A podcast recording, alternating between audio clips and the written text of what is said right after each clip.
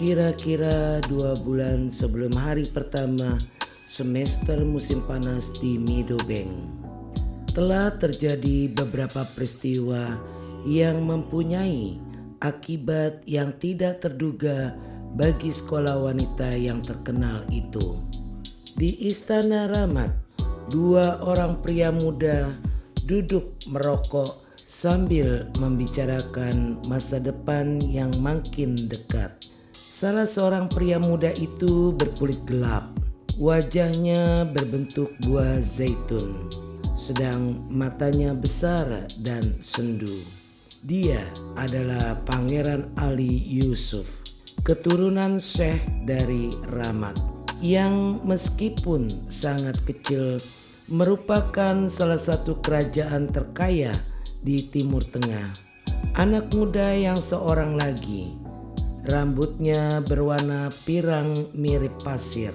Wajahnya berbintik-bintik hitam. Dan dia dapat disebut pemuda miskin. Kalau tidak karena gajinya yang besar sebagai pilot pribadi yang mulia Pangeran Ali Yusuf. Meskipun kedudukan mereka jauh berbeda, namun hubungan mereka seperti orang yang sederajat saja. Mereka pernah sama-sama bersekolah di suatu sekolah umum dan sejak itu mereka tetap bersahabat. Mereka sengaja menembak kita, Bob, kata Pangeran Ali setengah tidak percaya. Memang mereka telah menembak kita, kata Bob Rawlinson. Dan mereka memang sungguh-sungguh mereka benar-benar mau menembak kita sampai jatuh. Bangsat-bangsat itu memang bermaksud begitu, kata Bob ketus. Ali berpikir sebentar. Apakah tak ada gunanya mencoba lagi? Mungkin kita tidak akan semujur kali ini. Sebenarnya, Ali, kita sudah menunda-nunda terlalu lama Seharusnya sudah dua minggu yang lalu kau keluar dari negeri ini. Sudah kukatakan itu padamu. Aku mengerti maksudmu. Tapi ingatlah apa yang dikatakan Shakespeare atau salah seorang penyair lain bahwa tak ada salahnya melarikan diri untuk mengatur pembalasan. Pikir saja, kata pangeran muda itu dengan kesal. Berapa banyak uang yang sudah dikeluarkan untuk membuat negara ini makmur rumah-rumah sakit, sekolah-sekolah, pelayanan kesehatan. Bob Rollinson menyela, menghentikan menyebutkan daftar nama-nama badan sosial itu. Apakah kedutaan besar tak bisa berbuat sesuatu? Wajah Ali Yusuf memerah karena marah. Mengungsi ke kedutaan besarmu tidak akan pernah. Para pemberontak mungkin akan menyerbu tempat-tempat itu mereka tidak akan menghormati kekebalan diplomatik. Apalagi bila aku sampai berbuat begitu. Habislah segala-galanya. Sekarang saja tuduhan utama yang mereka lemparkan terhadapku adalah bahwa aku terlalu berkiblat ke barat. Dia mengeluh. Sulit sekali dimengerti, suaranya terdengar sangat sendu. Seolah-olah umurnya belum lagi 25 tahun. Kakekku adalah orang yang kejam, seorang raja yang benar-benar lalim. Budaknya beratus-ratus dan mereka diperlakukan tanpa belas kasihan. Dalam perang-perang antara suku, musuh-musuh dibunuhnya tanpa ampun dan dihukum mati dengan cara yang mengerikan. Mendengar namanya dibisikkan saja, orang menjadi pucat namun demikian sampai sekarang beliau masih dipuja sebagai legenda dan dikagumi, dihormati Ahmed Abdullah yang agung. Sedang aku, apa yang telah kulakukan? Kubangun rumah sakit, sekolah-sekolah, pelayanan kesehatan, perumahan, semua hal yang katanya didambakan rakyat. Apakah mereka tidak menginginkannya lagi? Apakah mereka lebih suka pemerintah yang kejam seperti pemerintahan kakekku? Kurasa begitu kata Bob Rawlinson. Rasanya sedikit tak adil, tapi begitulah adanya bukan? Tapi mengapa Bob? Mengapa? Bob mendesah, merasa tidak enak, lalu berusaha keras untuk menjelaskan perasaannya. Dia harus berjuang melawan ketidakmampuannya berbicara. Ya, katanya, dia telah memperlihatkan sesuatu yang pantas ditonton. Kurasa begitulah keadaan yang sebenarnya. Dia telah membuatnya supaya kelihatan lebih hebat. Kalau kau tahu apa maksudku. Dipandanginya sahabatnya yang sama sekali tak ada kehebatan itu. Dia adalah seorang anak muda yang baik, tenang, sopan, tulus, dan mudah bingung. Begitulah Ali. Dan Bob menyukainya dengan segala sifat-sifatnya itu. Dia tidak menonjol dan tidak menarik perhatian. Tapi bila di Inggris orang merasa malu untuk menonjolkan diri dan bertingkah aneh, suatu sikap yang dijauhi orang, maka Bob tahu benar bahwa di Timur Tengah ini persoalannya berbeda. Tapi demokrasi Ali mulai lagi. Ah apalah demokrasi itu kata Bob sambil menggoyang-goyangkan pipanya. Itu suara kata yang bisa ditafsirkan macam-macam. Satu hal sudah pasti, arti kata itu sudah jauh menyimpang dari arti semula yang dimaksud oleh bangsa Yunani. Aku berani bertaruh Bila mereka berhasil mengusirmu dari sini, seorang saudagar yang besar cakap yang akan mengambil alih. Dia akan menggembar-gemborkan kehebatan-kehebatannya sendiri, mengagung-agungkan dirinya setinggi Tuhan yang Maha Kuasa. Dia akan merajalela dan memenggal kepala siapa saja yang berani melawannya dengan segala cara. Dan ingat, dia akan berkata bahwa Pemerintahannya adalah suatu pemerintahan demokratis dari rakyat untuk rakyat. Dan kurasa rakyat pun akan menyukai pula. Mereka menganggapnya hebat, banyak menumpahkan darah. Tapi kami bukan orang-orang biadab. Kami sekarang sudah beradab. Peradaban itu macam-macam, kata Bob samar-samar. Apalagi aku punya pikiran bahwa kita ini semua punya sedikit kebiadaban dalam diri kita. Asal saja ada alasan untuk membiarkan kebiadaban itu muncul. Mungkin kau benar kata Ali Murung. Agaknya yang tak disukai orang di mana pun juga sekarang ini adalah seseorang yang punya akal sehat. Aku ini bukan orang yang cerdas, kau sendiri tahu. Tapi aku berpikir bahwa itulah yang sebenarnya dibutuhkan dunia, yaitu sedikit akal sehat. Diletakkannya pipa di sampingnya, lalu duduk di kursinya. Tapi sudahlah, tak usah dipikirkan semua itu.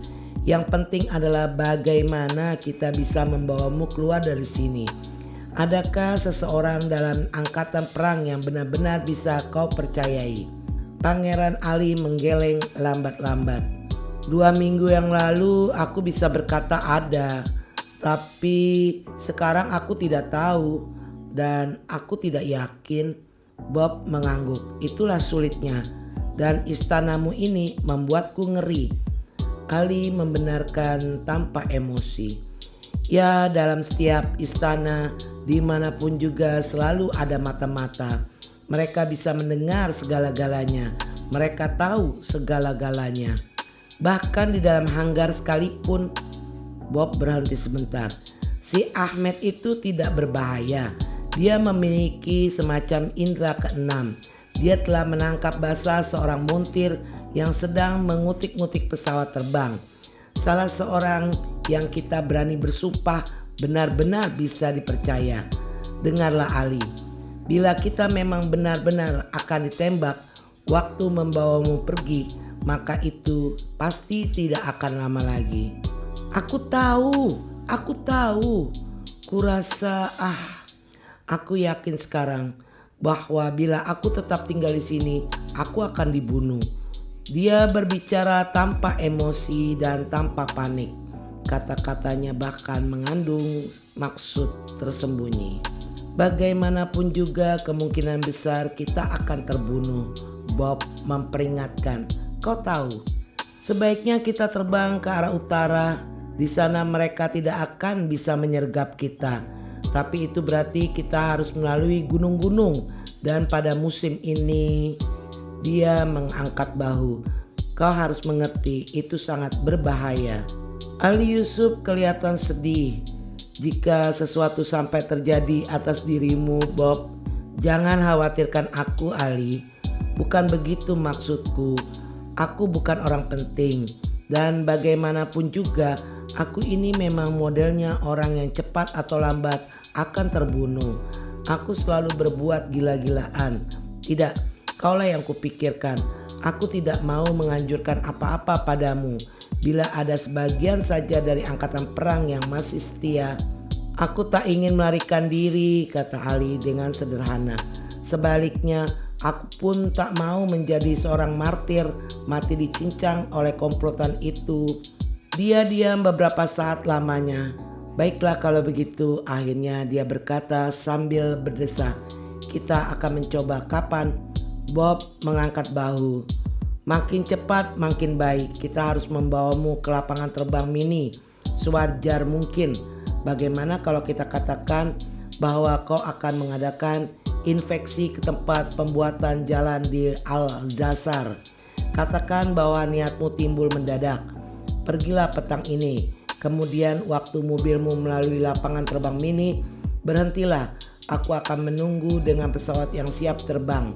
Katakan bahwa kau akan mengadakan infeksi pembuatan jalan itu dari udara. Mengerti? Lalu kita akan lepas landas dan pergi. Tentu kita tak bisa membawa apa-apa. Semuanya tanpa persiapan. Aku tak ingin membawa apa-apa kecuali satu. Dia tersenyum dan senyum itu tiba-tiba mengubah wajahnya dan menjadikan manusia lain. Dia bukan lagi seorang anak muda yang penuh percaya diri, yang hidupnya berkiblat ke barat. Senyumnya mengandung kelicikan dan keahlian tertentu yang membuat para leluhurnya mampu bertahan bertahun-tahun. Kau sahabatku, kau boleh melihatnya. Dimasukkan tangannya ke dalam kemejanya Lalu dia mencari-cari, kemudian dikeluarkan sebuah kantung kecil dari kulit kambing. Apa ini? Bob mengerutkan dahinya keheranan. Ali mengambilnya kembali. Dibukanya ikatan lalu dicurahkannya isinya ke meja. Bob menahan nafasnya sebentar lalu menghembus seraya bersiul halus. Ya Tuhan, apakah ini asli? Ali kelihatan geli. Tentu saja asli. Kebanyakan di antaranya adalah milik ayahku. Setiap tahun dia menambah beberapa permata baru. Demikian pula aku. Permata-permata itu berasal dari beberapa negara. Orang-orang yang bisa kami percayai yang membelikan untuk warga kami. Ada yang dari London, dari Kalkuta, dari Afrika Selatan.